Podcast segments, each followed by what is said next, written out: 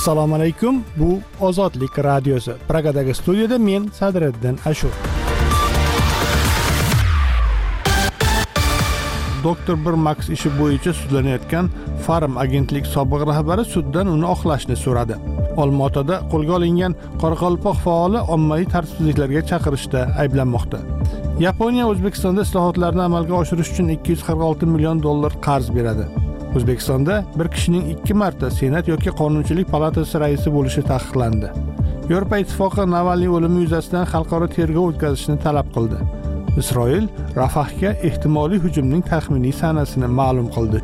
Yevropa ittifoqi qizil dengizda husiylarga qarshi harbiy amaliyotga qo'shildi. Shuningdek dasturimizdan dunyo va mintaqa hayotiga oid boshqa yangiliklar ham o'rin olgan bu ozodlik radiosi.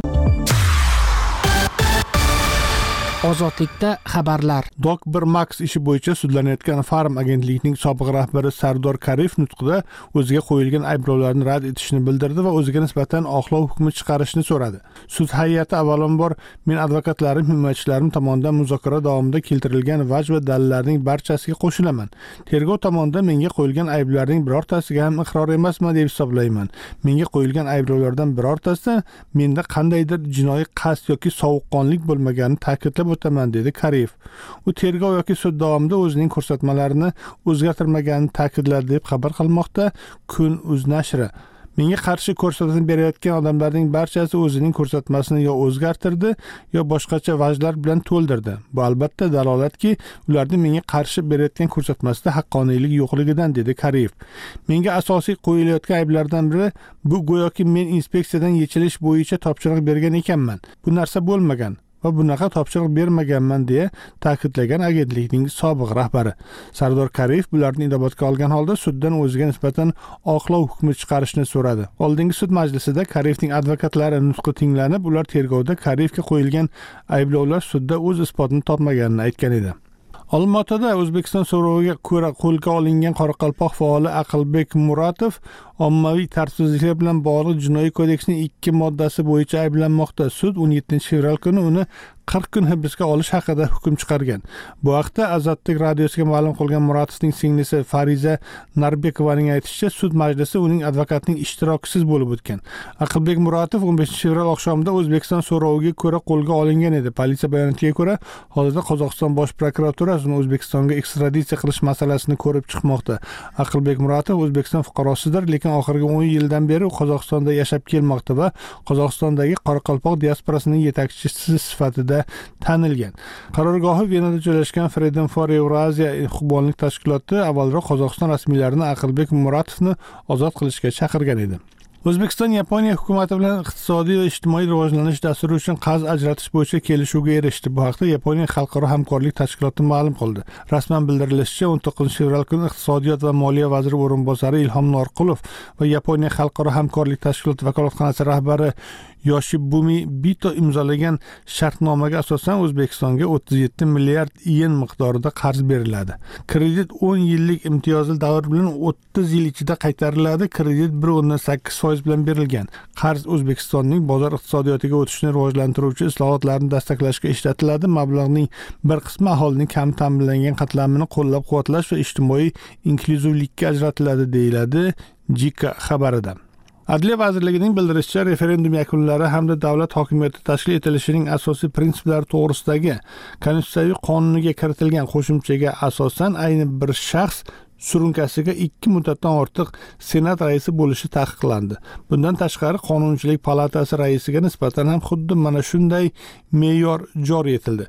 O'zbekiston respublikasi oliy majlisining senati to'g'risida qonunga kiritilgan o'zgartishlarda qayd etilishicha senatorlar qoraqalpog'iston jo'qorg'i kengesi viloyatlar tumanlar va shaharlar davlat hokimiyati vakillik organlari deputatlarining tegishli qo'shma majlislarida mazkur deputatlar orasidan yashirin ovoz berish yo'li bilan qoraqalpog'iston respublikasi viloyatlar va toshkent shahridan teng miqdorda to'rt kishidan saylanadi. Senatning to'qqiz a'zosi fan san'at adabiyot ishlab chiqarish sohasida hamda davlat va jamiyat faoliyatining boshqa tarmoqlarida katta amaliy tajribaga ega bo'lgan obro'li fuqarolar orasidan prezident tomonidan tayinlanadi. Yevropa ittifoqi rossiyadan siyosatchi aleksey navalniy o'limi yuzasidan mustaqil va shaffof xalqaro tekshiruv o'tkazishni talab qildi. Yevropa ittifoqi tashqi ishlar mutasaddisi jozef borel rossiya hukumatini javobgarlikka tortish bo'yicha barcha imkoniyatlar ishga solinishini jumladan moskvaga nisbatan yangi sanksiyalar amalga kiritilishini bildirdi. Borel o'z bayonoti davomida navalniyning o'limi uchun mas'uliyatni shaxsan prezident putinga yukladi. Borel o'n to'qqizinchi fevralda yevropa ittifoqining xalqaro ishlar bo'yicha kengashda qilgan chiqishida navalniyning xotini yuliya navalniy siyosatchining farzandlari va savdoshlariga chuqur ta'ziya bildirdi. Qamoqda vafot etgan siyosatchi aleksey navalniyning jasadi qarindoshlariga kamida ikki haftadan so'ng berilishi ma'lum qilindi deb bildirdi muxolifatchining matbuot kotibi kira yarmish. Unga ko'ra bu haqda tergovchilar navalniyning onasi va advokatlarini xabardor qilgan tergovchilarga ko'ra kimyoviy ekspertiza o'tkazish uchun ikki hafta kerak bo'ladi. Yevropa ittifoqi tashqi ishlar vazirlari qizil dengizda yamandagi husiy qurolli guruhlarga qarshi olib borilayotgan harbiy amaliyotga qo'shilish to'g'risida yakuniy qarorni qabul qildi. Bu esa yevropa davlatlari harbiy kemalari qizil dengizga jo'natilishini anglatadi. Mazkur amaliyot aspaydis nomi ostida olib borilmoqda. Aspaydis qadim yunon tilidan olingan so'z bo'lib qalqon degan ma'noni anglatadi.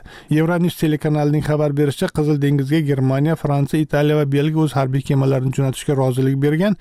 Gretsiya tezkor shtabi boshlig'i nomzodini italiya kemalar guruhi qo'mondoni nomzodi nomzodini fransiya esa qo'mondon o'rinbosari nomzodini taklif qiladi. Shtab qarorgohi gretsiyaning larissa shahrida bo'ladi. Xabarlar bilan tanishdingiz boshqa yangiliklar ozodlik nuqta org saytida. Facebook lentasida ozodlik maqolalarini nafaqat o'qishingiz balki fikr bildirishingiz muhokama qilishingiz do'stlaringiz bilan o'rtoqlashishingiz mumkin. Audio suhbatlar video lavhalar ozodlikning facebook lentasida sahifamizni lotin imlosida ozodlik radiosida izlang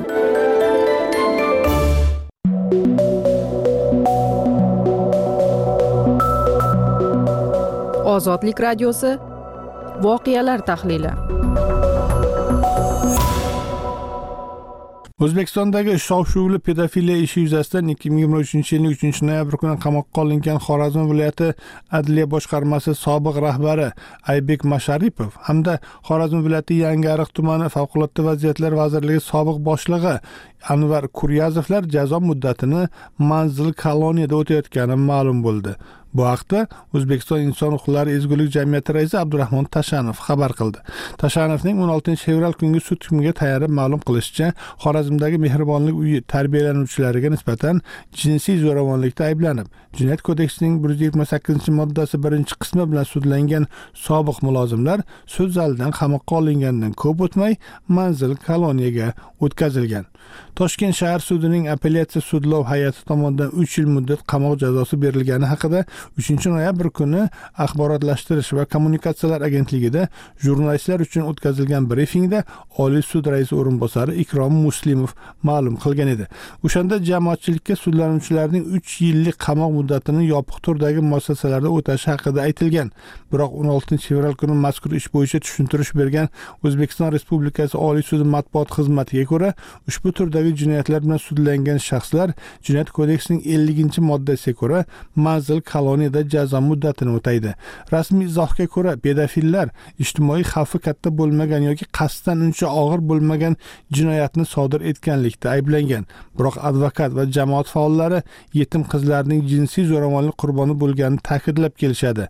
Mahkama jarayonlarida jabrlanuvchilarning advokati bo'lgan m eshonqulovga ko'ra sudlanuvchilarning harakatlarida o'zbekiston respublikasi jinoyat kodeksining bir yuz o'n sakkizinchi moddasi nomusga tegish alomatlari mavjudligi haqida sud ajrimi ham mavjud. Tergov organi negadir bu modda bilan jinoyat ishi qo'zg'atishni rad etgan. Uchinchi noyabr kungi sud majlisida ishtirok etgan o'zbekiston respublikasi oliy majlisining bola huquqlari bo'yicha vakili surayyo rahmonova sud qarorini olqishlagan. Nemalchi uz loyihasiga ko'ra urganch shahridagi mehribonlik uyi mudirasi uch qizni tanlab olib o'n oy davomida moddiy manfaat uchun ularni turli erkaklar bilan jinsiy aloqa qilishga majburlagan.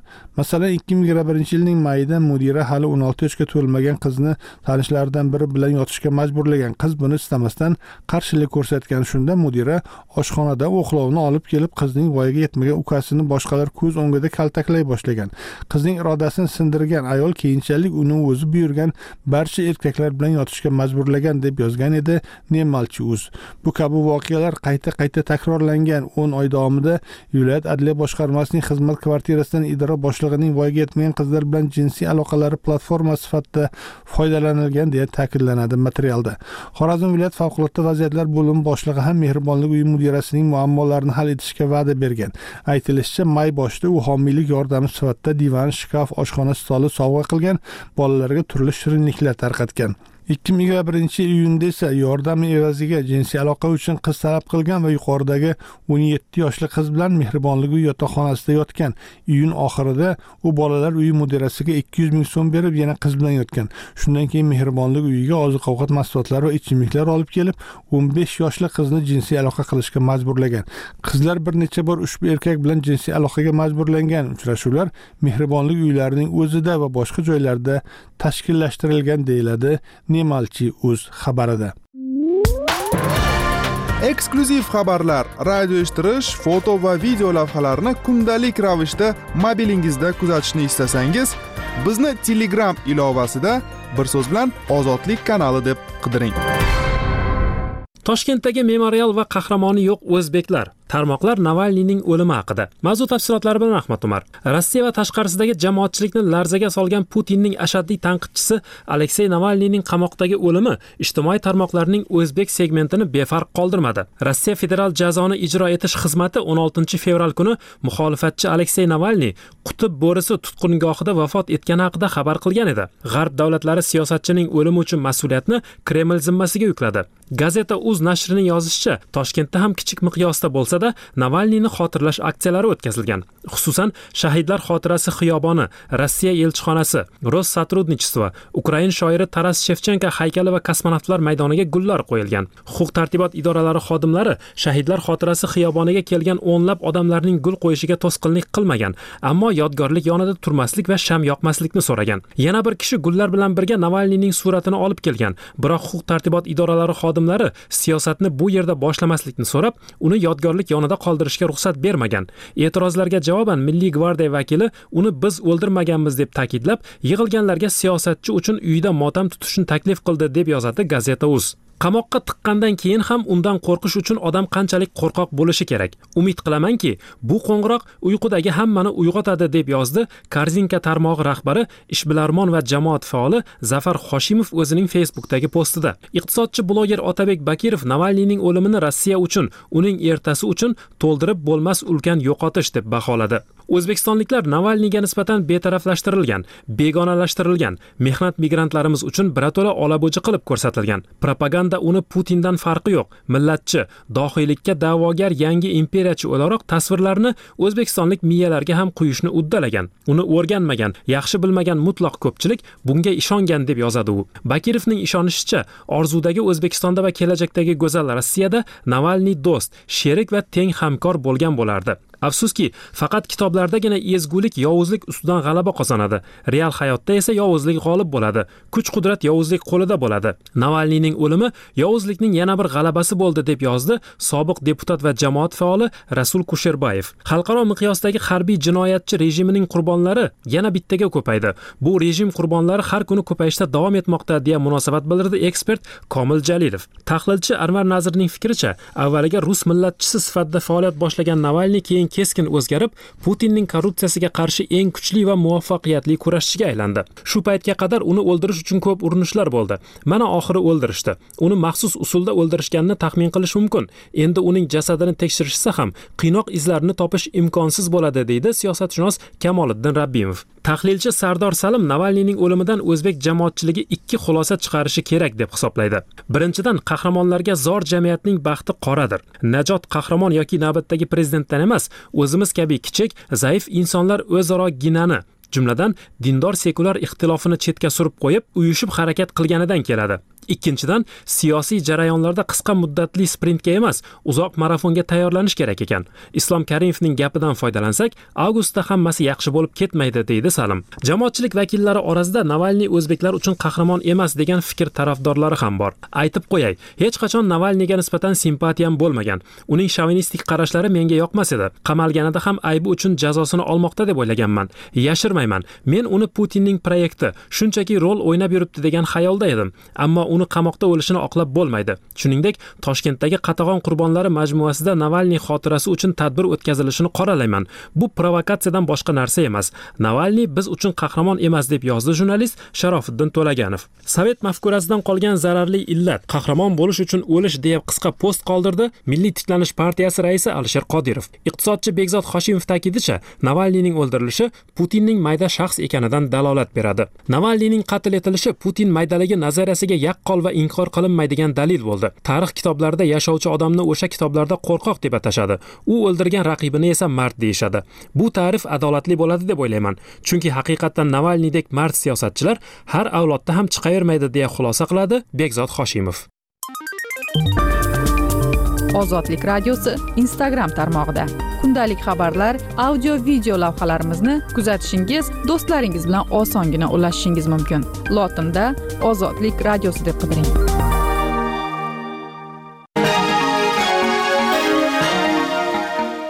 Ozodlik videolarini audio formatda tinglang.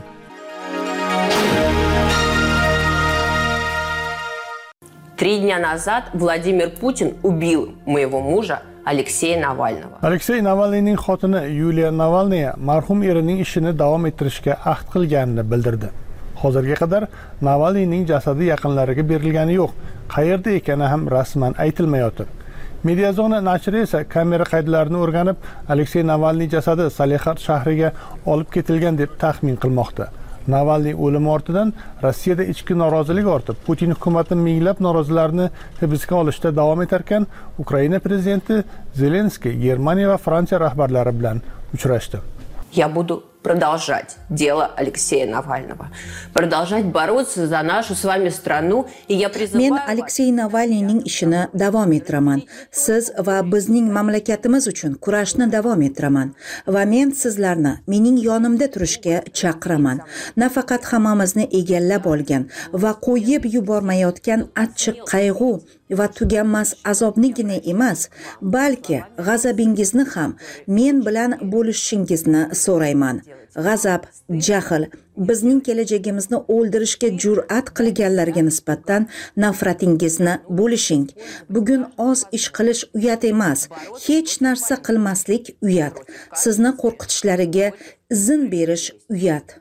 Бороться за честные выборы и свободу слова, бороться за то, чтобы вернуть нашу страну себе. Я понимаю, за что я борюсь. Я борюсь за новое будущее! Для своей семьи, для своих детей. Россия свободная, мирная, счастливая, прекрасная Россия будущего, о которой... navalniy o'z murojaatida rossiyaliklar uchun erkin tinch baxtli va farovon kelajak kerak deb ta'kidladi. Hozirga qadar navalniyning jasadi yaqinlariga berilgani yo'q. Qayerda ekani ham rasman aytilmayotir mediazona nashri kamera qaydlarini o'rganib 17 fevralga o'tar kechasi salihardga qarab harakatlangan va muhtamalan harb qamoqxonasida o'lgan aleksey navalniy jasadini olib ketgan kortejni topdi.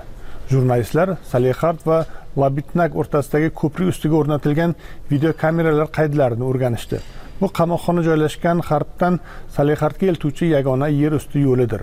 Agarda kortej bu yo'nalishdan foydalanmagan bo'lsa jasad vertolyotda tashilgan degan yagona taxmin qoladi deyiladi media zona maqolasida. Karvon tarkibida ikkita yo'l patrul xizmati mashinasi fuqaroviy raqamli kulrang sedan hamda jazoni ijro etish federal xizmatiga qarashli transport vositalariga xos qo'sh yashil chiziqli uaz buxanka mikroavtobusi bo'lgan. Jurnalistlar voqea 17 fevralga o'tar tunda sodir bo'lgandan kelib chiqib navalniy jasadi u jazo muddatini o'tagan ikki uch koloniyasidan salixardga aynan shu karvon bilan olib ketilgan deya taxmin qilishmoqda. Aleksey navalniyning onasi esa salixard morgiga kiritilmadi. Siyosatchi jasadi shu yerda bo'lishi mumkinligi aytilgach onasi morgga kirishga urinmoqda. Tergov qo'mitasi ayolga muxolifatchining o'limi bo'yicha tekshiruv uzaytirilganini bildirgan. Bu haqda navalniyning matbuot kotibi kira yarmish ma'lum qilmoqda. Advokatlardan birini turtkilab chiqarishgan xodimlar alekseyning jasadi shu yerdami yo'qmi? degan savolga javob berishmayapti deb yozdi yarmish x ijtimoiy tarmog'ida. U shuningdek rossiya tergov qo'mitasi siyosatchining o'limi sabablarini tekshirish muddatini uzaytirganini bildirdi. Tergov qo'mitasi alekseyning onasiga va advokatlariga tekshiruv uzaytirilganini aytibdi. Yana qancha davom etadi noma'lum. O'lim sababi hanuz aniqlanmagan. Ular aldashyapti vaqtni cho'zishyapti va buni yashirayotganlari ham yo'q deb yozdi kira yarmish. Aleksey navalniy jasadi salixarddagi okrug klinik shifoxonasi morgida saqlanmoqda. Unda momotaloq izlari bor degan xabarni novaya gazeta yevropa nashri ham yozdi. Nashr bu haqda kasalxonadan 500 metr narida joylashgan salixard tez tibbiy yordam stansiyasi xodimining so'zlariga tayanib xabar qilmoqda. Gazeta manbasiga ko'ra siyosatchi badanidagi jarohatlar hayotligida olingan ammo kaltaklanish natijasida emas. Tomir tortishishdan paydo bo'lgan bo'lishi mumkin.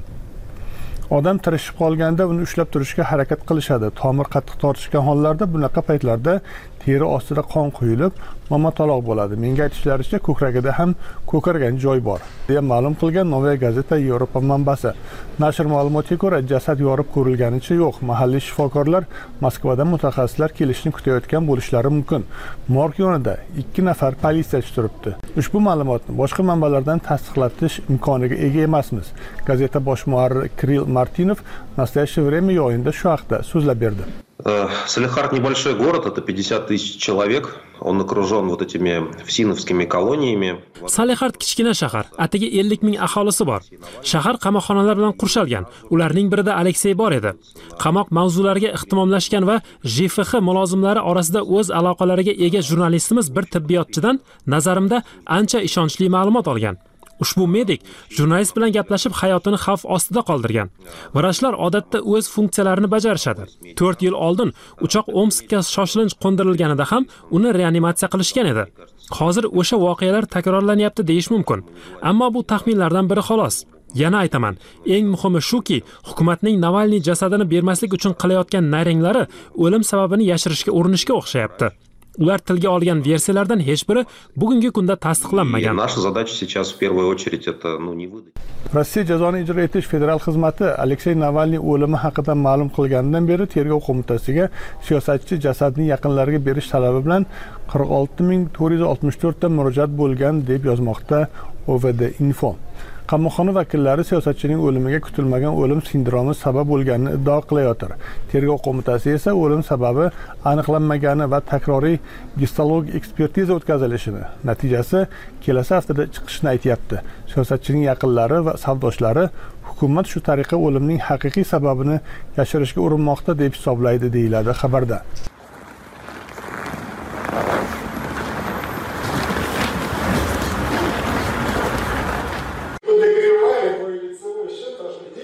G'arb davlatlari siyosatchining o'limi uchun mas'uliyatni kreml zimmasiga yukladi. O'zbekistonlik faollar ham dunyo miqyosida kuchli aks sado bergan ushbu hodisaga o'z munosabatini bildirdi. Gazeta uz nashrining yozishicha toshkentda ham kichik miqyosda bo'lsada navalniyni xotirlash aksiyalari o'tkazilgan. Xususan shahidlar xotirasi xiyoboni rossiya elchixonasi rossaturnичество va ukrain shoiri taras shevchenko haykali va kosmonavtlar maydoniga gullar qo'yilgan.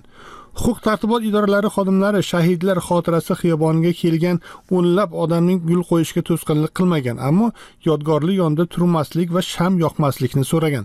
Iqtisodchi otabek bakirov navalniyning o'limini rossiya uchun uning ertasi uchun to'ldirib bo'lmas ulkan yo'qotish deb baholadi. O'zbekistonliklar navalniyga nisbatan betaraflashtirilgan begonalashtirilgan mehnat migrantlarimiz uchun birato'la olabo'ji qilib ko'rsatilgan. Propaganda uni putindan farqi yo'q millatchi dohiylikka da'vogar yangi imperiyachi o'laroq tasvirlarni o'zbekistonlik miyalarga ham quyishni uddalagan. Uni o'rganmagan yaxshi bilmagan mutlaq ko'pchilik bunga ishongan. Birinchidan qahramonlarga zor jamiyatning baxti qoradir. Najot qahramon yoki navbatdagi prezidentdan emas o'zimiz kabi kichik zaif insonlar o'zaro ginani jumladan dindor sekulyar ixtilofini chetga surib uyushib harakat qilganidan keladi. Ikkinchidan siyosiy jarayonlarda qisqa muddatli sprintga emas uzoq marafonga tayyorlanish kerak ekan. Islom karimovning gapidan foydalansak avgustda hammasi yaxshi bo'lib ketmaydi. Navalniyning qatl etilishi putin maydaligi nazariyasiga yaqqol va inkor qilinmaydigan dalil bo'ldi. Tarix kitoblarida yashovchi odamni o'sha kitoblarda qo'rqoq deb atashadi. U o'ldirgan raqibini esa mard deyishadi. Bu ta'rif adolatli bo'ladi deb o'ylayman. Chunki haqiqatdan navalniydek mard siyosatchilar har avlodda ham chiqavermaydi. Sovet mafkurasidan qolgan zararli illat qahramon bo'lish uchun o'lish deya qisqa post qoldirdi milliy tiklanish partiyasi raisi alisher qodirov. Jamoatchilik vakillari orasida navalniy o'zbeklar uchun qahramon emas degan fikr tarafdorlari ham bor. O'z vaqtida aleksey navalniy va uning savdoshlari asli o'zbekistonlik hozirda rossiya prezidenti putin bilan yaqin aloqalar uchun sanksiyalarga uchragan alisher usmonovni korrupsiyada ayblagandi.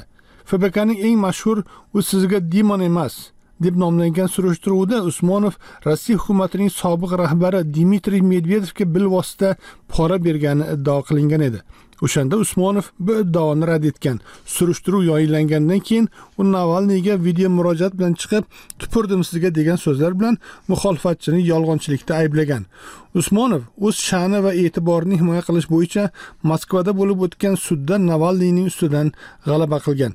O'shandayoq navalniy g'arb mamlakatlarini britaniya rezidenti bo'lgan usmonovga qarshi korrupsiya ayblovi bilan sanksiyalar joriy etishga chaqirgan edi. Biroq sanksiyalar rossiya qo'shinlari ukrainaga bostirib kirgandan keyingina joriy etilgan.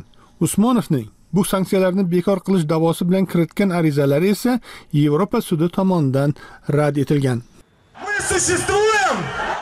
Navalniy o'limi ortidan rossiyada ichki norozilik ortib putin hukumati norozilarga nisbatan bosimni oshirar ekan ukraina prezidenti germaniya va fransiya rahbarlari bilan uchrashdi. Prezident vladimir zelenskiy yevropaga tashrifi davomida xavfsizlik borasidagi ikki tomonlama shartnomalar imzoladi. 16 fevral kuni germaniya prezidenti frank valter shtaynmayer berlindagi prezidentlik qarorgohida ukraina prezidenti vladimir zelenskiyni kutib oldi. Avvalroq zelenskiy germaniya kansleri olaf shols bilan muzokaralar o'tkazib yakunida ikki davlat o'rtasida xavfsizlik shartnomasini imzolagan. Germaniya ukrainaning hududiy yaxlitligini to'liq tiklashi uchun uzoq muddatli harbiy yordam ko'rsatishni maqsad qilgan hamda ukrainaga yordam berishda davom etadi deyiladi shartnomada. Vladimir zelenskiy parijda fransiya prezidenti emmanuel makron bilan ham uchrashdi. Tashrifdan ko'zlangan asosiy maqsad ukrainaga harbiy yordamni oshirish va rossiya bilan urush uchinchi yilga qarab ketayotgan bir paytda xavfsizlik bo'yicha ikki tomonlama bitim imzolash edi. Bu zelenskiyning ukraina harbiy rahbariyatida qilgan o'zgarishlardan keyingi birinchi xorijiy safari bo'ldi. Zelenskiy urush qiyin pallasida rotatsiyani amalga oshirdi. Uning o'zi bu o'zgarish jang maydonidagi vaziyatdan kelib chiqib amalga oshirilganini aytgan. Makron bilan imzolangan kelishuv tafsilotlari hozircha ma'lum emas biroq kiyev bu kelishuv ham yanvar oyida britaniya bilan imzolangan birinchi shartnoma bilan bir xil mazmunda bo'lishiga ishora qildi. Xabar qilinishicha zelenskiy fransiya va germaniya bilan xavfsizlik bo'yicha 10 yillik shartnoma tuzishga erishdi. Bitim 2024 yilda ukrainaga 3 milliard yevro yordam ko'rsatish majburiyatini o'z ichiga oladi.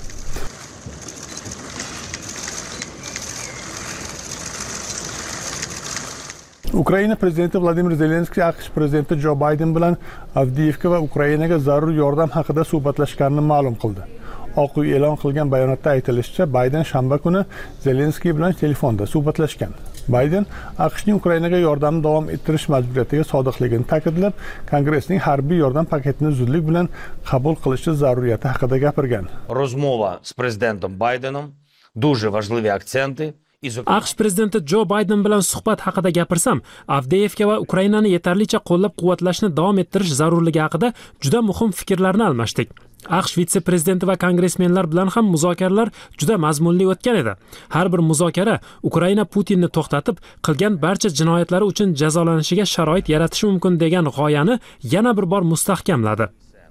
Саме Україна може зупинити Путіна і створити такі умови, щоб він був покараний за все зло, яке наробив. ukraina bir necha oy davom etgan shiddatli janglardan so'ng qo'shinlarini avdiivkadan olib chiqishga majbur bo'ldi ukraina armiyasining yangi qo'mondoni aleksandr sirskiy facebookda qoldirgan postida ukraina qo'shinlari qurshovga tushib qolmaslik uchun avdiivkadan chiqib ketganini ma'lum qildi bu rus qo'shinlari 2023 yil may oyida baxmutni qo'lga kiritganidan beri rossiya uchun eng katta yutuq bo'ldi.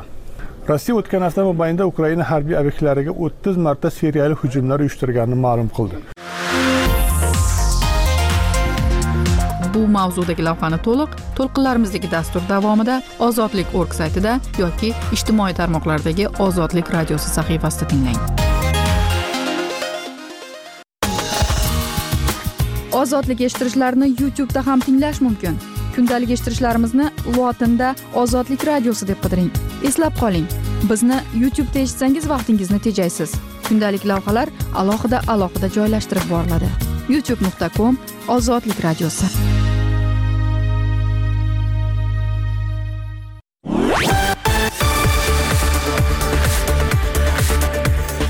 Doktor bir max ishi bo'yicha sudlanayotgan farm agentlik sobiq rahbari suddan uni oqlashni so'radi. Olmaotada qo'lga olingan qoraqalpoq faoli ommaviy tartibsizliklarga chaqirishda ayblanmoqda. Yaponiya o'zbekistonda islohotlarni amalga oshirish uchun 246 million dollar qarz beradi. O'zbekistonda bir kishining ikki marta senat yoki qonunchilik palatasi raisi bo'lishi taqiqlandi. Yevropa ittifoqi navalniy o'limi yuzasidan xalqaro tergov o'tkazishni talab qildi. Isroil rafahga ehtimoliy hujumning taxminiy sanasini ma'lum qildi. Yevropa ittifoqi qizil dengizda husiylarga qarshi harbiy amaliyotga qo'shildi. Shuningdek dasturimizdan dunyo va mintaqa hayotiga oid boshqa yangiliklar ham o'rin olgan bu ozodlik radiosi.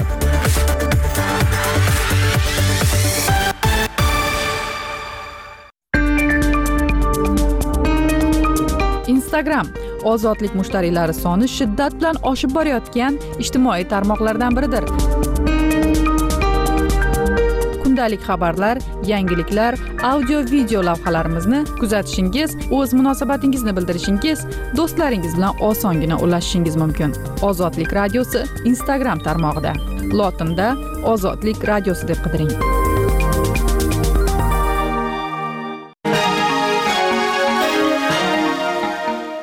Ozodlik videolarini audio formatda tinglang.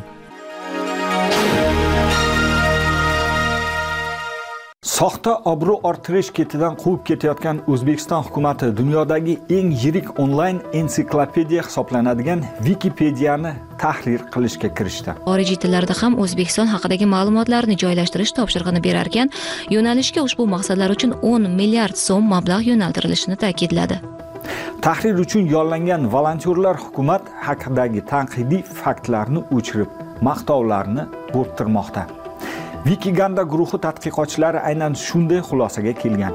Bu guruh dunyodagi eng ommabop sanalgan vikipediya ensiklopediyasidagi soxtakorliklarga qarshi kurashib keladi. Wikiganda.org loyihasi mutaxassislariga ko'ra vikipediyada o'zbekistondagi mulozimlar davlat idoralari mamlakat prezidenti va uning oila a'zolarining imijini yaxshilash maqsadida vikipediyada chop etilgan maqolalar ustida tozalash ishlarini olib borgan. Ammo prezident nega karimov davrida vikipediya sayti o'zbekistonda ko'p yillar davomida shunchaki yopib qo'yildi? Yangi sharoitda mirziyoyev komandasi urinishlari o'rinlimi? Bugun bu savollarga javob izlaymiz. Avvaliga vikipediya o'zi nima? Shu haqida gaplashaylik.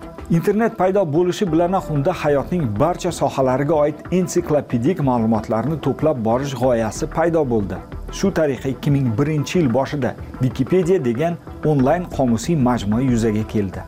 2023 yilgi statistik ma'lumotlarga ko'ra Wikipedia 334 tildagi 61 million maqoladan iborat. Har kuni butun dunyodan unga 32,5 million foydalanuvchi tashrif buyuradi. Wikipediyani boshqarish uchun 2003 yilda notijorat Wikimedia fondi tashkil etilgan.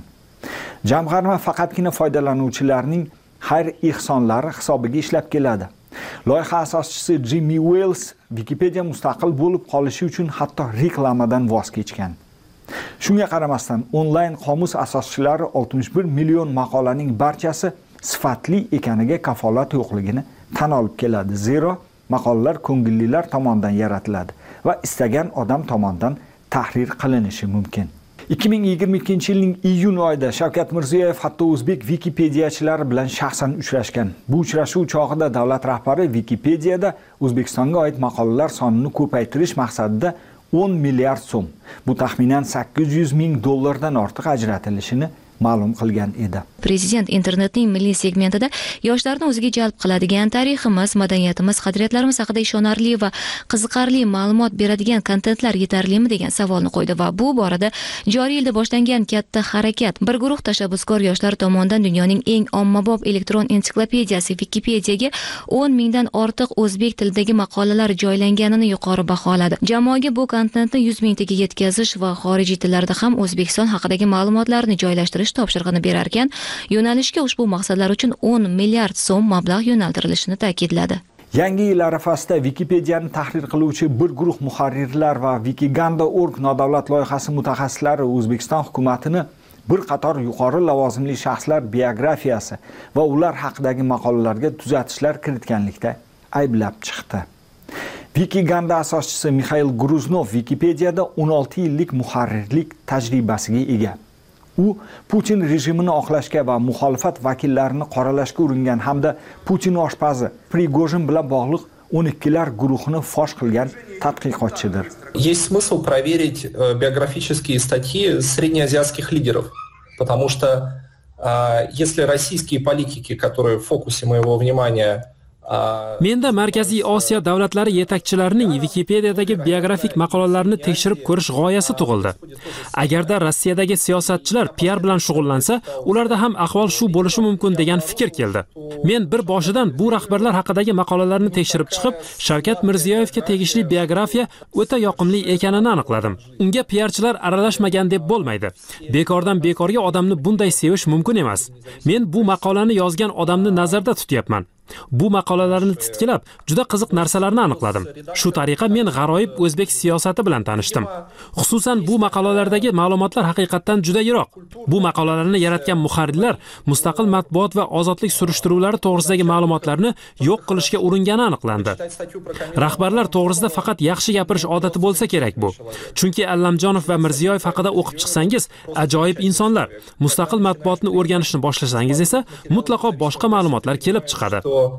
Это все совсем не так.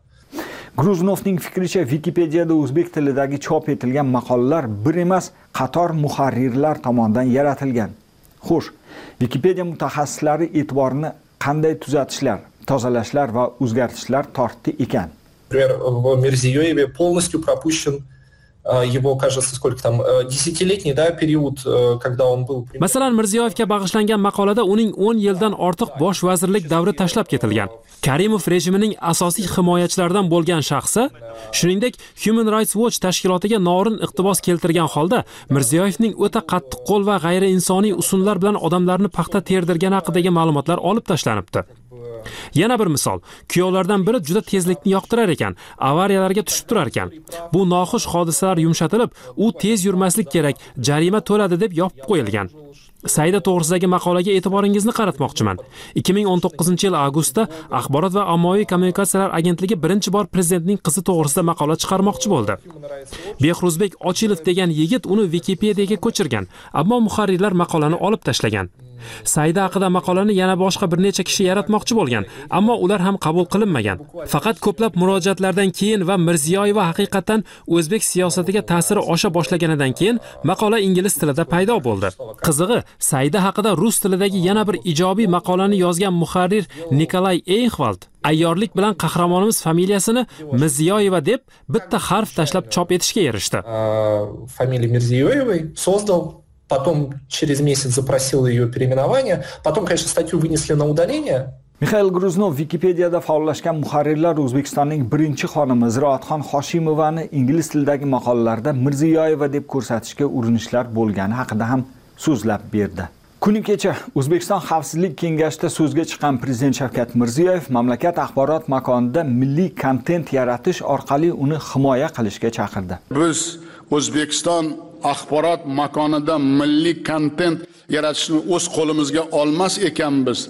Dunyodagi voqealarga milliy manfaatlarimiz nuqtai nazaridan baho bermas ekanmiz. Bu ishlar xorijdan turib amalga oshirilishiga imkon yaratib beramiz. Chunki odamlardagi yangilik tahliliy ma'lumotlar real voqealarga ehtiyojni biz to'ldirmas ekanmiz. Buni boshqalar qiladi. Bunga mutlaqo yo'l qo'yib bo'lmaydi. Bu nutqda soha mutaxassislarini kontent qanday qilib milliy bo'lishi mumkinligi masalasi qiziqtirib qoldi. Bundan chiqdi. Milliy manfaatlarga mos kelmaydi deb aytilgan axborot ma'lumot va materiallardan voz kechiladimi? Prezidentning bu nutqi yana bir muhim masalani ko'tarmoqda. O'zbekiston axborot makonida yaratilgan milliy kontentga kimlar baho beradi va bu qanday amalga oshiriladi? Bu har qanday media yaratayotgan kontent milliy manfaat nuqtai nazaridan tahrirdan o'tadi deganimi? Savollar ko'p javobi hozircha yo'q.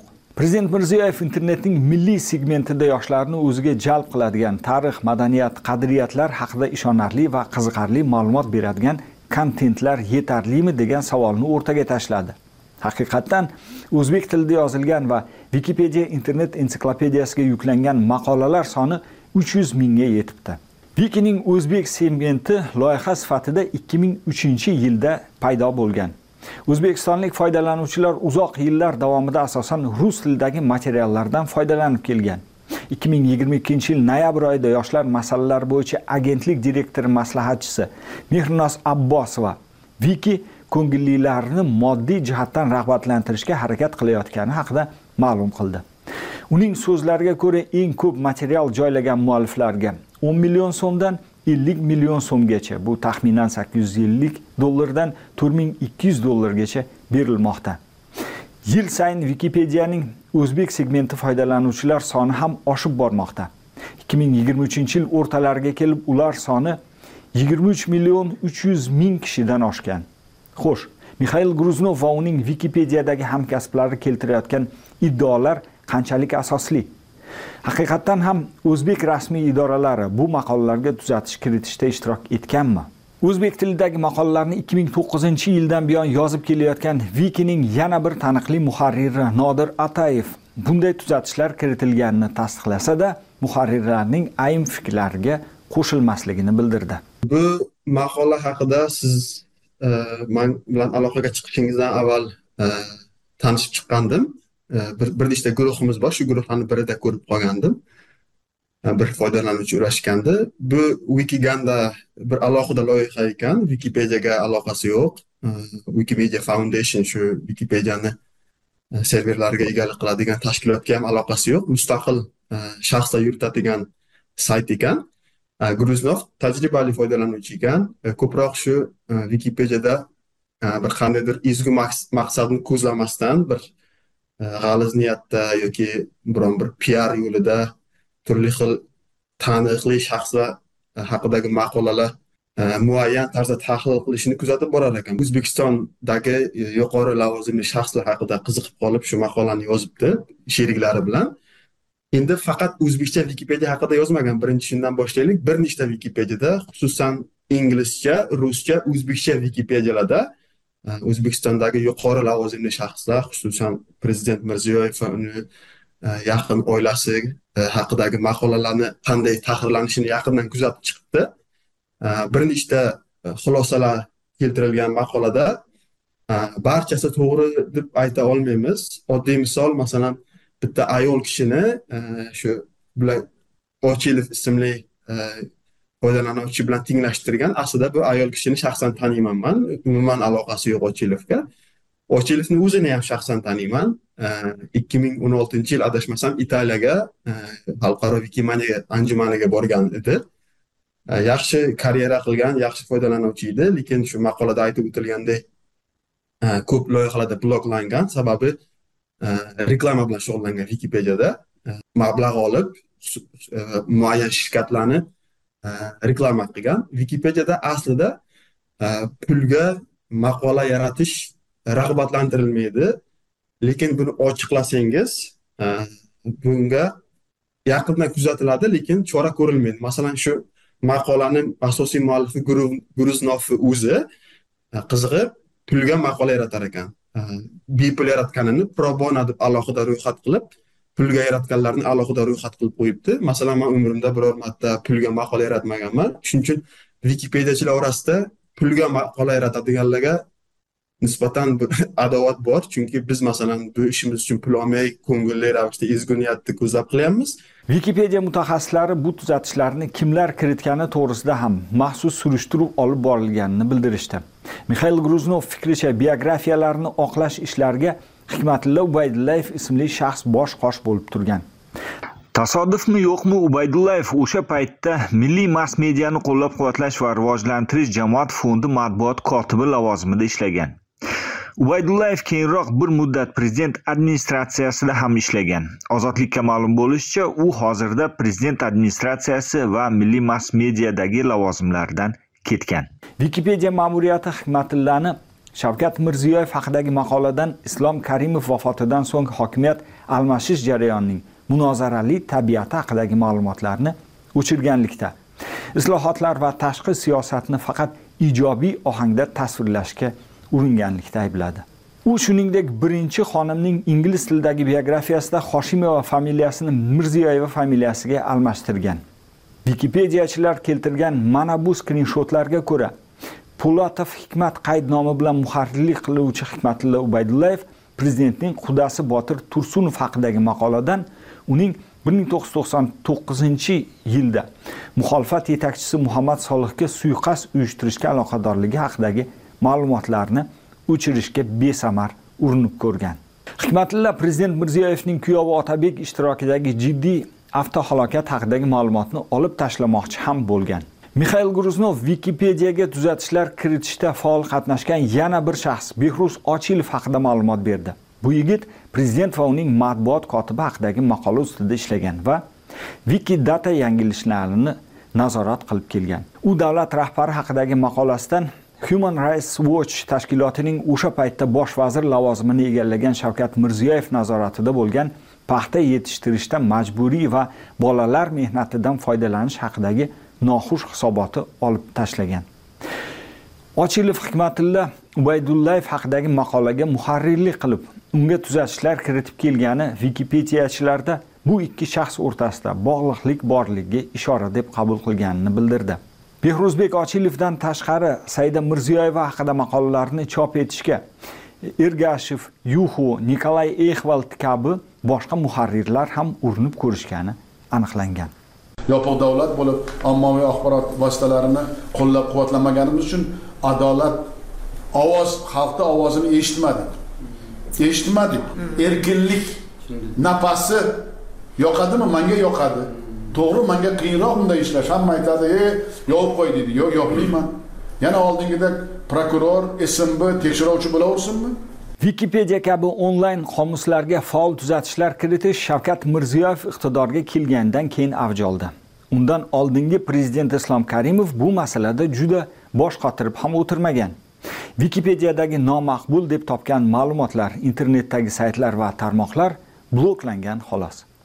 O'zbekistonda Wikipediya to'laligicha ikki marta qisqa muddatga to'silgan ekan. U ham bo'lsa islom karimov prezidentligi davrida. Dastlabki blok 2007-2008 yillarda sodir bo'lgan. Manga ma'lum bo'lishicha birinchi 2007-2008 yillar oralig'ida qisqa muddatga to'silgan qaysi tillardagi versiyalar to'silgan e, bilmayman.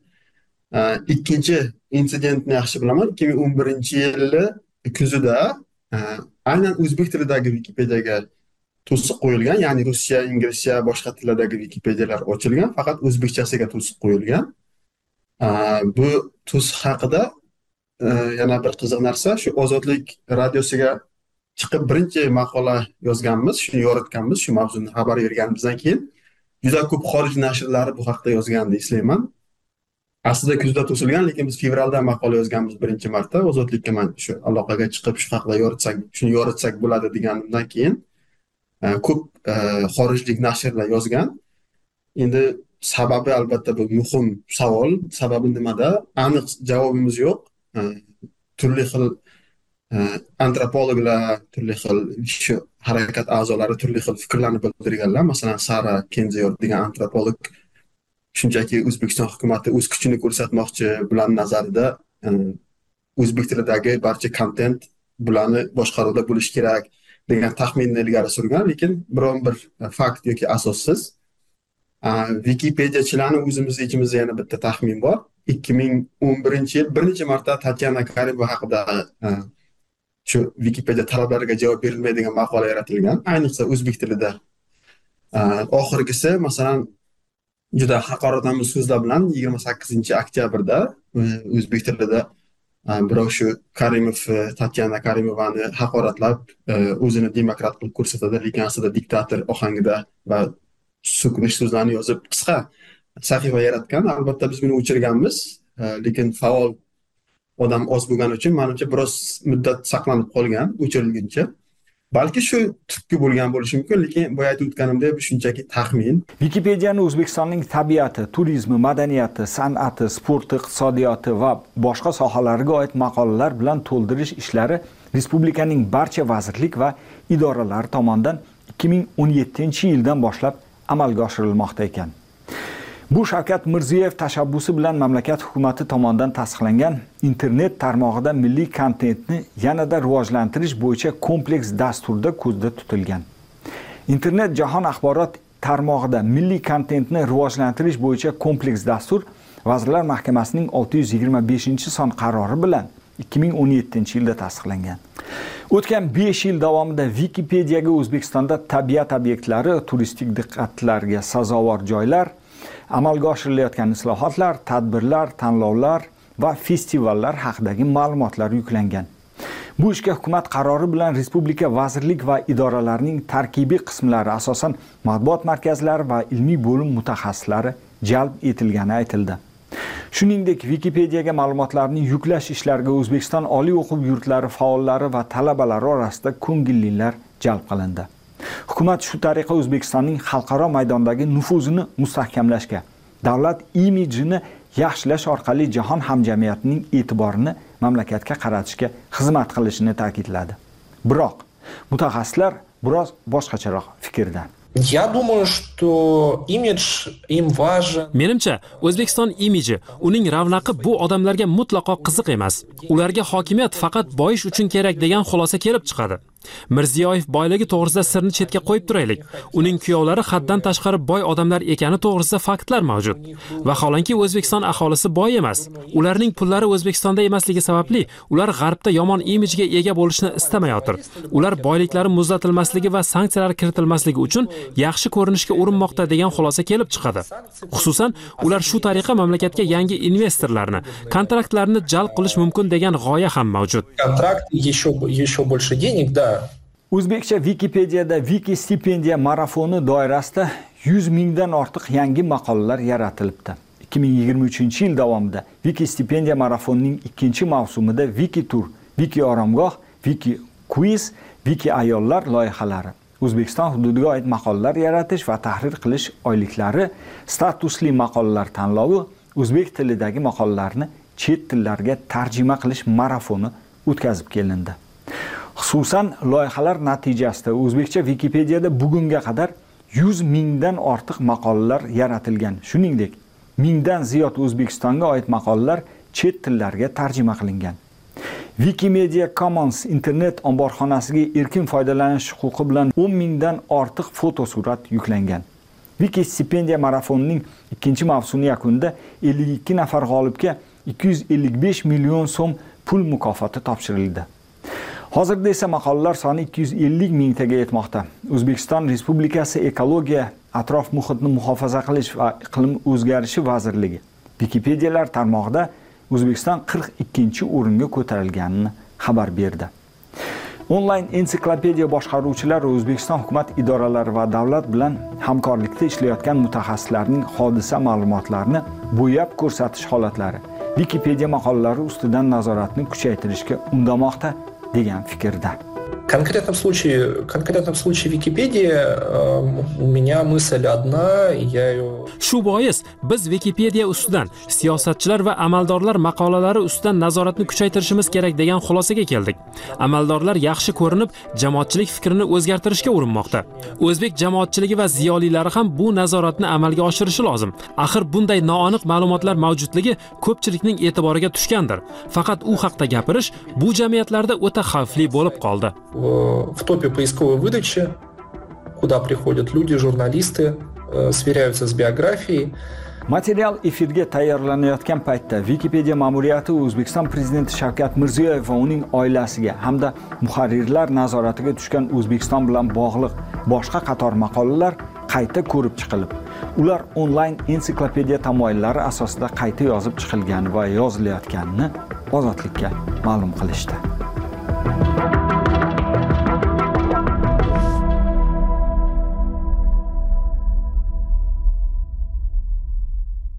o'zbekistondagi asl voqelikka oid so'nggi xabarlar. Eksklyuziv yangiliklarni senzurasiz hech qanday to'siqlarsiz o'qisak ko'rsak tinglasa bo'ladigan mobil ilovangiz bormi? Ozodlikda shunday ilova bor. App store va google playda. Ozodlik radiosi deb qidiring va hoziroq yuklab oling lola karimova tillayeva beverli hillsdagi qasrini 36 million dollarga sotdi. Wall street journal. Tafsilotlar bilan gulasal. Taxminan 2011 yilda qurilgan lopalening sotilishi beverli hillsdagi hasham bozordagi yorqin nuqta bo'ldi. Bu yerda savdolar va narxlar pasayishi kuzatilmoqda deb yozmoqda wall street journal nashri. Beverli hills ko'chmas mulk reyestriga ko'ra lupale nomi bilan tanilgan taxmini 4450 kvadrat metrlik ushbu saroy 36 million dollarga sotilgan. Sotuvchi o'zbekistonning sobiq prezidenti islom karimovning qizi lola karimova tillayeva va uning turmush o'rtog'i tadbirkor timur tillayevga aloqador shirkat bo'lib chiqdi. Ko'chmas mulk qaydlariga ko'ra ushbu shirkat 2013 yilda 32,75 million dollarga mazkur mulkni sotib olgan. Xaridorning shaxsi noma'lum. Uy 2011 yilda los anjeles hududida ko'p sonli hashamatli uylar qurgan. Gigi va bella hadidning otasi muhammad hadid tomonidan qurilgan. Uy beverli hills mehmonxonasi qarshisida joylashgan bo'lib qo'lda o'yilgan fransuz ohaktosh fasadi bor. Mulk hujjatlarida uning yettita yotoqxonasi borligi ko'rsatilgan. Nashrning yozishicha tillayevlar izoh so'rab qilingan murojaatlarga javob berishmagan.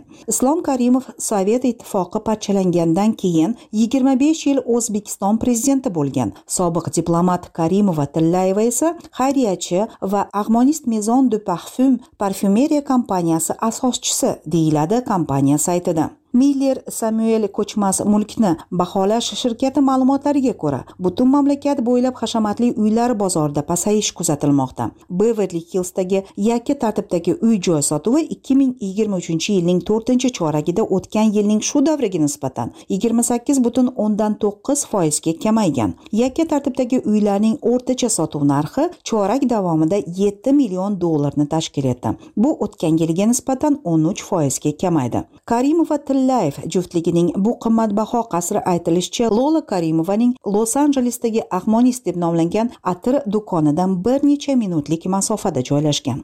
Do'kon rasmiy saytida qo'yilgan reklamasida karimova unda dunyodagi eng noyob va eng qimmatbaho tabiiy unsurlardan qilingani aytiladigan atirlar sotilishini iddao qiladi. Variety nuqta com nashri er xotin to'rt ming to'rt yuz oltmish metr kvadratlik bu villani o'ttiz uch million dollarga sotib olgani haqida yozgan muhammad hadid qurgan bu ulkan villada yopiq basseyn ikki yuz mehmonga mo'ljallangan bal xonasi qirq odamga mo'ljallangan kinoteatr o'ndan oshiq mashina sig'adigan yer osti garaji va massaj xonasi bor. Ayni paytda aqsh nashri karimovaning los anjelesdagi uyi u egalik qiluvchi ko'chmas mulk ro'yxatidagi eng qimmati emasligini eslatib o'tadi.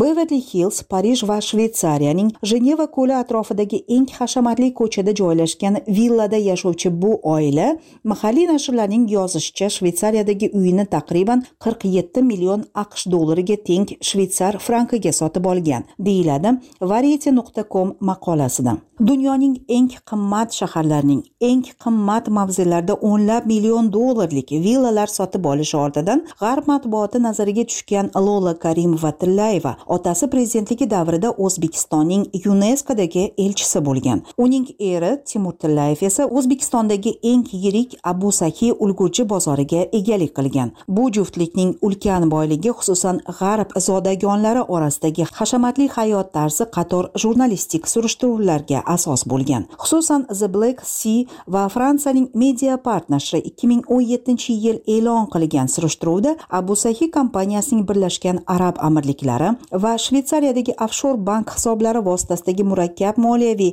sxemalar orqali 127 million aqsh dollari miqdorida naqd pulni o'tkazgani aytilgan edi. Ozodlik variety.com va aqshning boshqa qator nashrlarida chop etilgan maqoladagi ma'lumotga izoh so'rab karim va tillayevlarning aqshdagi advokatiga murojaat qilgan. Yozma murojaatda ozodlik xususan 2014 yil yozida bir varakayiga sotib olingan uch qimmatbaho villaga to'langan pulning qayerdan olingani bu pullarning black sea va mediapart surishtiruvida aytilgan 127 millionlik naqd pulga aloqadorligi bor yo'qligi. Qolaversa bu villalarning nima uchun aynan hozir bir varakayga sotuvga qo'yilganini so'ragan edim. Bu mavzudagi lavhani to'liq to'lqinlarimizdagi dastur davomida ozodlik org saytida yoki ijtimoiy tarmoqlardagi ozodlik radiosi sahifasida tinglang.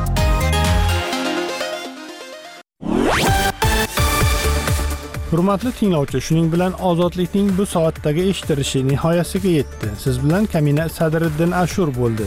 Salomat bo'ling va ozodlikda qoling.